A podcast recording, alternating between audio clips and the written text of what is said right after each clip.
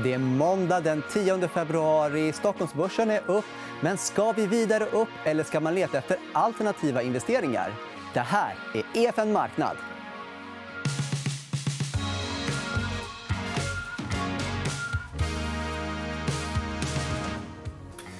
Ja, när vi pratar om alternativa investeringar då kan man inte undgå att bjuda in Anna Svan, Mikael Syding. Varmt välkomna båda två. Tack så mycket. Ni driver ju en podd, Outsiders. och Det är väl kanske lite temat för dagen. Att vara lite utanför boxen och tänka själv och gå lite mot strömmen. Precis. Och, eh, anledningen till att jag hamnade in på råvaror var en, lite av en slump. Jag drev ju ett investerarnätverk som heter Feminvest och startade upp ekonomisternätverken. också. Och då vill jag gärna utbilda personerna i nätverket. Så då tänkte jag att jag ska läsa på mer om råvaror. Eh, och så började jag läsa och så började jag titta på priserna och så konstaterade jag att det här var ju extremt billigt och vilka otroliga möjligheter det måste finnas att investera här. Så att eh, det blev liksom eh, det jag djupdök i efter det. Så... du blev för lite förvånad över att inte alla kikar på råvaror just nu? Ja, det var många som tyckte att jag var lite knäpp i huvudet i början. Men, eh, men nu verkar det som att man börjar få ganska mycket upprättelse. Och framförallt guldpriset har gått kanonbra. Även många av jordbruksråvarorna, som är de mm. som jag tittar på, har också gått väldigt, väldigt bra. Och Micke, du då? Hur hamnade du in på det här spåret? Med just råvaror eller outsiders? Outsiders. Ja, men jag, jag har alltid haft ett helt naturligt liksom, konträrt streak att, eh, att jag, jag, går automatiskt eh, eh, i motsatt riktning till alla andra.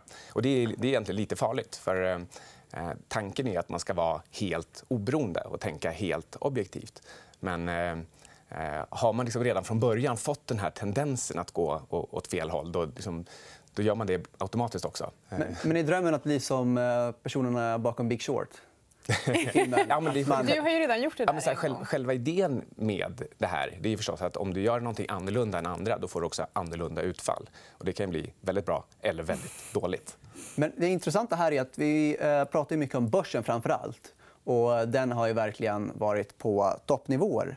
Eh, samtidigt så är liksom förtroendet självklart också på topp. Mm. Eh, och vi har en graf som du mycket tog med om där man ser konsumentförtroendet jämfört med eh, ja, S&P 500, alltså börsen.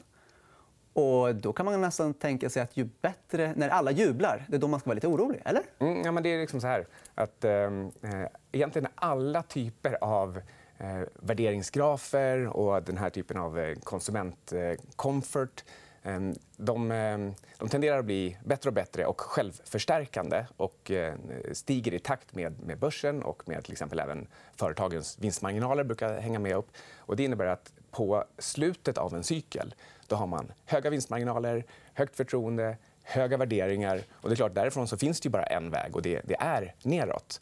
Problemet är förstås att du vet inte när den där grafen ska ta slut. Nu är vi på den högsta igen då sen år 2000. Vilket, eh, liksom, det, det, skapar liksom viss, viss oro om man, om man ligger lång. Men eh, det betyder inte självklart att det sker nu. Det kan, det kan vara tre år kvar på den här grafen. Och om vi kikar på nästa så ser vi också att eh, S&P 500 om man eh, kikar på räntekurvan och räntebanan så är det ganska intressant att eh, se den kopplingen också. Eh, där ser vi där nere har vi eh, räntekurvan och där uppe har vi eh, börsen. Och, eh, ja. Ja, det här illustrerar ju nästan samma sak. Eh, och, och tittar vi på den här då, det är klart att ekot av tidigare nedgångar kring 2000 och 2008 det är ganska skrämmande när man tittar på den här. Men om man liksom förstorar och tittar riktigt, riktigt noga så kan man se att eh, någonstans eh, kring eh, 97, 98 eller nåt sånt där, då, då, hade vi också nästan en inverterad räntekurva. Men liksom, det fick ändå dröja tre år till innan den inverterades ordentligt och sen börsen föll. Och samma sak gången innan dess var det flera år egentligen från det att man fick den här negativa signalen. Så bara det att vi, även om vi nu har haft inverterad räntekurva i ett år ungefär, så det behöver inte betyda att tajmingen är perfekt. Nej, jag vill också bara poängtera, för att ställa mig lite på tvärt mot dig. En av anledningarna till att jag också började titta på råvaror var för att jag tycker att det måste finnas bättre sätt att hedga sig mot börsen, alltså säkra upp sig mot en potentiell nedgång, än att betta mot den. För att vi har faktiskt sett nu en extrem uppgång, alltså framförallt de senaste åren. Och istället då för att betta mot börsen så kan man titta på andra tillgångslag som är billigare och ligga investerade i båda två. Och man brukar ju traditionellt prata om att det är inte timing the market utan time in the market. Men jag brukar säga att man ska ha tid i flera marknader. För Det är då du hittar fler olika möjligheter. Mm. Och, och, um, särskilt också håller jag med om eh, när själva anledningen till att vara negativ till börsen egentligen är penningtryckande och liksom de negativa konsekvenser det för med sig på sikt. Eh, för det ser vi inte just nu. För... Nej, då är det bättre i såna fall att köpa till exempel guld och jordbruksråvaror som kan påverkas positivt av exakt samma fenomen men, men eh, inte ställer krav på att börsen måste ner. Men ni pratar om att man säkrar sig eh, genom att ha lite olika tillgångar. Många, när man börjar med aktier, eh, så får man ofta höra att man ska ha inte en aktie utan flera aktier. Och har man flera aktier eh, inom olika sektorer då är man ganska bra skyddad. Vänder ni er mot det där lite? Ja, så här är det. det är klart att det är bättre att ha fler aktier i olika sektorer än att bara ha en aktie. Så långt så, far so good. Men, men det krävs också lite mer än så. Men jag skulle också vilja säga att det är inte för alla. Vill du, det är klart att de flesta investerar enbart i aktier idag. och Det är helt okej om, du, om du faktiskt psykologiskt kan hantera den nedgången som man med ganska stor sannolikhet kommer att se i sin portfölj och fortsätter månadsspara och fortsätter investera. Så det är helt okej. Jag pratar i alla fall för egen del som tycker att det är kul att vara en aktiv investerare Eh, så tycker jag att det är roligt att titta på olika saker. Men det är ingenting man ska göra om man inte vill lägga tid på att lära sig och också lägga tiden på att handla det. För att det tar väldigt mycket tid. Diversifiering det är den enda gratislunchen på, på marknaden. Du, du får högre avkastning till lägre risk eller, liksom, eller en bättre kombination av dem i alla fall, bara genom att helt enkelt äga två olika tillgångsslag. Du kan, du kan bara skapa en portfölj med 50% guld 50% aktier. Den kommer ha bättre egenskaper än respektive tillgång. Det, det, egentligen är det helt magiskt. Det är därför också som folk alltid rekommenderar att ha mer än en aktie i portföljen även om jag tror att hälften av eh, privatspararna har ungefär en eller två aktier. Men, men eh, det där utsträcks ju också till andra tillgångsslag. Men det är lite kul, för vi pratar ju nästan alltid återkommande om börsen och det fastnar alltid någonting mot börsen. Eh, och det intressanta är också att eh, ja, men, är folk oroliga för börsen? Vi har faktiskt frågat tittarna eh, på Twitter. och Där svarade de flesta att de tror nästan negativa börsår sker inom tre år. Men ändå rätt kul att 11,5% tror att det aldrig kommer ske. Då har man stort förtroende för Powell tror jag, som Fed-chefen. Att han ska fortsätta trycka pengar och initiera likviditet i marknaden. För att, nu tog vi inte med den grafen, men det finns en jättebra graf från eh, en twittrare som heter eh, Sven Hennish, eller Northman Trader där han visar på hur börsen öppnar svagt nedåt. Sen injicerar man likviditet i marknaden och då går den upp. Och sen så nästa dag öppnar svagt nedåt, injicerar likviditet och så går vi upp.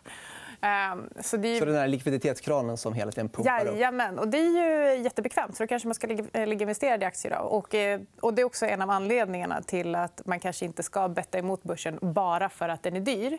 Nu finns det ju massa andra saker också som pekar på att, eh, att det är dyrt. Men, ehm, men det som faktiskt styr aktiepriserna just nu är likviditeten från Fed. Och en annan sak som har blivit eh, ganska dyrt jämfört med värdebolag det är teknikbolag. Du, Micke, har ju en eh, graf på där vi ser liksom hur värdebolagen har värderats jämfört med teknikbolagen. Och där, är vi, eh, där är teknikbolagen eh, rekordhögt värderat jämfört med just ja, värdebolagen. Det, det, är som att det finns en, en uppgivenhet på marknaden i att man, man vågar inte göra sin egen analys, utan man gör som alla andra.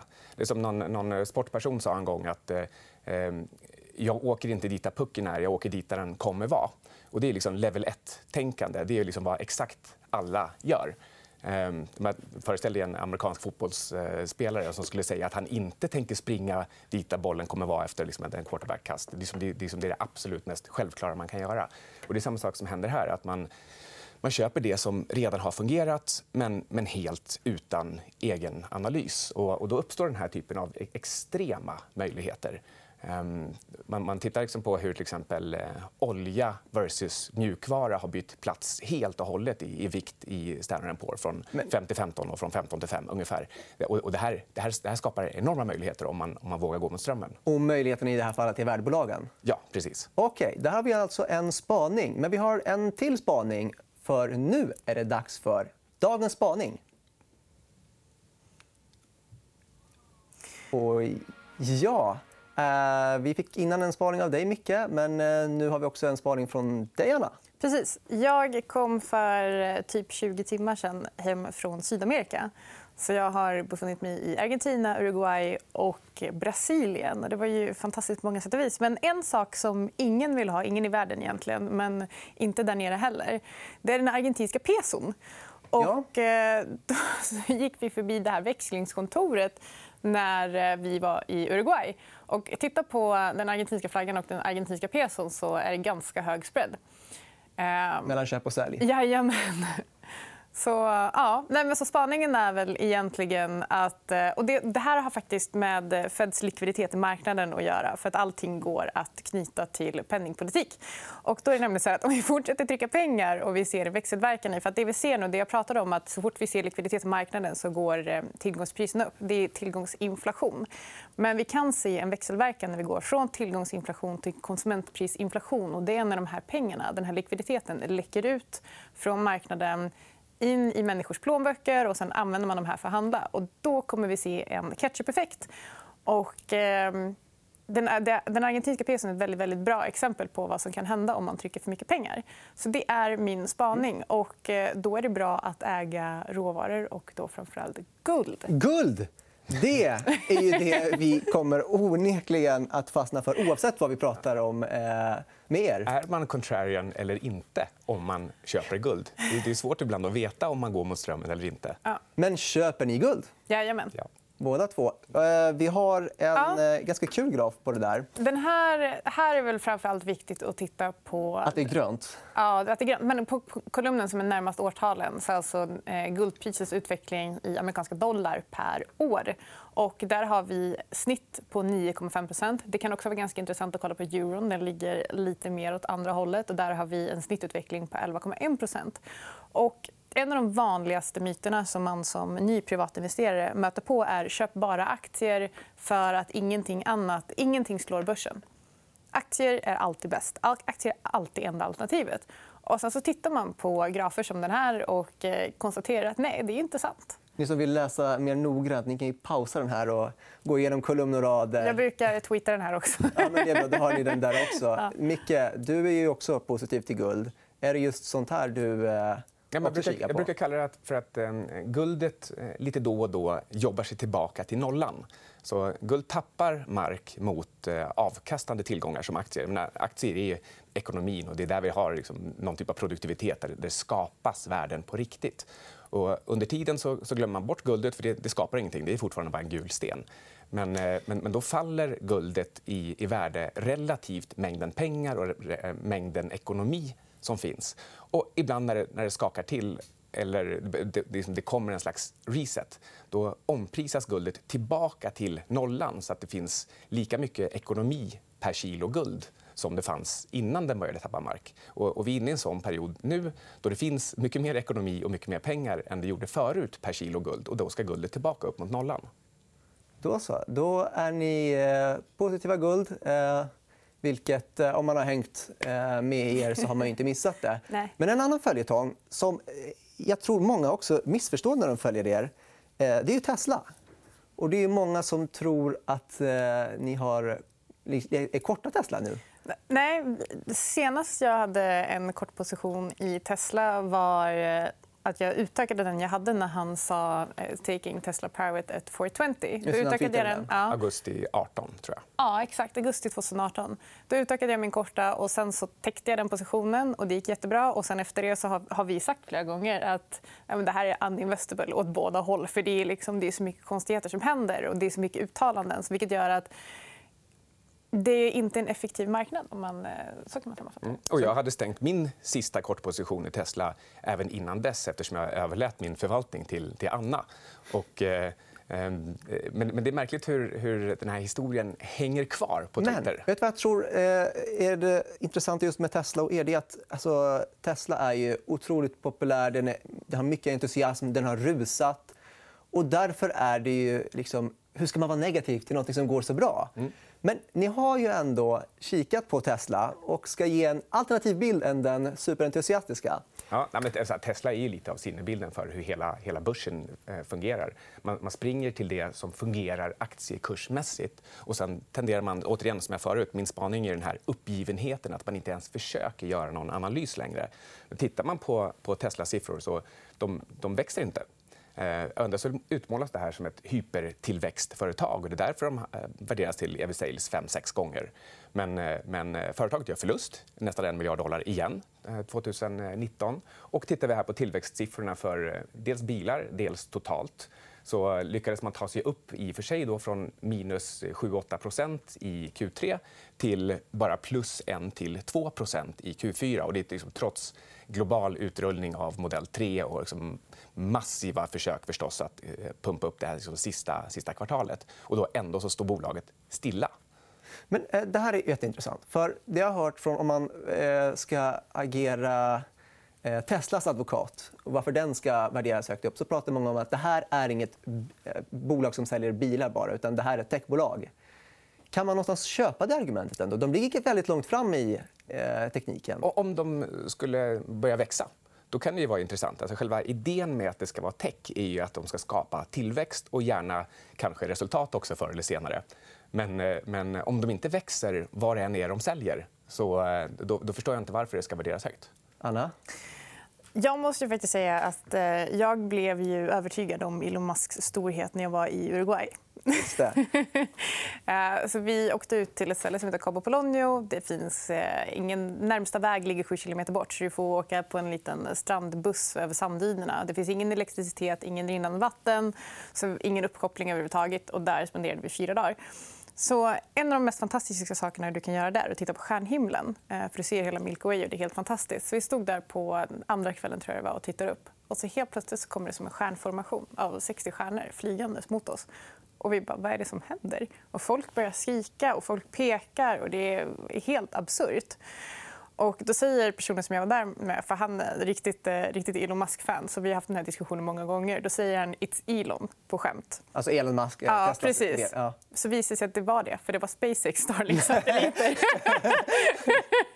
så, och det var kanske en av de häftigaste sakerna som jag sett och upplevt. Så jag sa att okay, men, eh, nu är jag väl kanske övertygad om Elon Musks storhet. Men det betyder inte att jag tycker att Tesla är köpvärt på de här nivåerna. Men du är övertygad om hans storhet? Det är jag faktiskt. Men det var, det var faktiskt ganska roligt. Så jag fick äta upp allting jag har sagt om honom eh, där och då. Men eh, det var värt det. Det är, ett, eh, det är ett bra exempel på hans eh, genialiska marknadsföring. Eh, till exempel det här att Astronomer är förbannade för att han har, eh, inte har målat sina satelliter svarta. utan Han skapar ju massa ljusföroreningar som gör det svårt att studera stjärnhimlen. Och, men det här har han då förstås gjort för att åstadkomma den här typen av events. Så att han, liksom, han, han förstör för alla som försöker göra något vettigt bara för att han ska få liksom, ett, ett marknadsföringsstunt. Men, men, men det funkar ju. Ja, det funkar. Han är uh, oerhört... Uh, jag kan inte låta bli att följa honom. Det... Och, och nu till exempel när coronaviruset håller på att sprids så, så lyckas han ändå få med sig kinesiska staten på att öppna hans fabrik tidigare trots att det är problem för massa andra företag. Så, så någonstans så lyckas han hela tiden få med sig alla. Det är ju fantastiskt. Frågan är bara då varför lyckas han inte sälja någonting? Okej, med de orden får vi avsluta. Men innan vi avslutar. Eh, det här programmet heter ju EFN Marknad. och eh, Det är faktiskt ett namnförslag från dig, Micke. Mm. Och därför ska du belönas med en egen EFN-mugg. Yes. Eh, så den här är Tackar. till dig. Och ja, där är faktiskt programmet slut. Imorgon gästas vi av Jonas Olavi. Missa inte det. Tack för oss.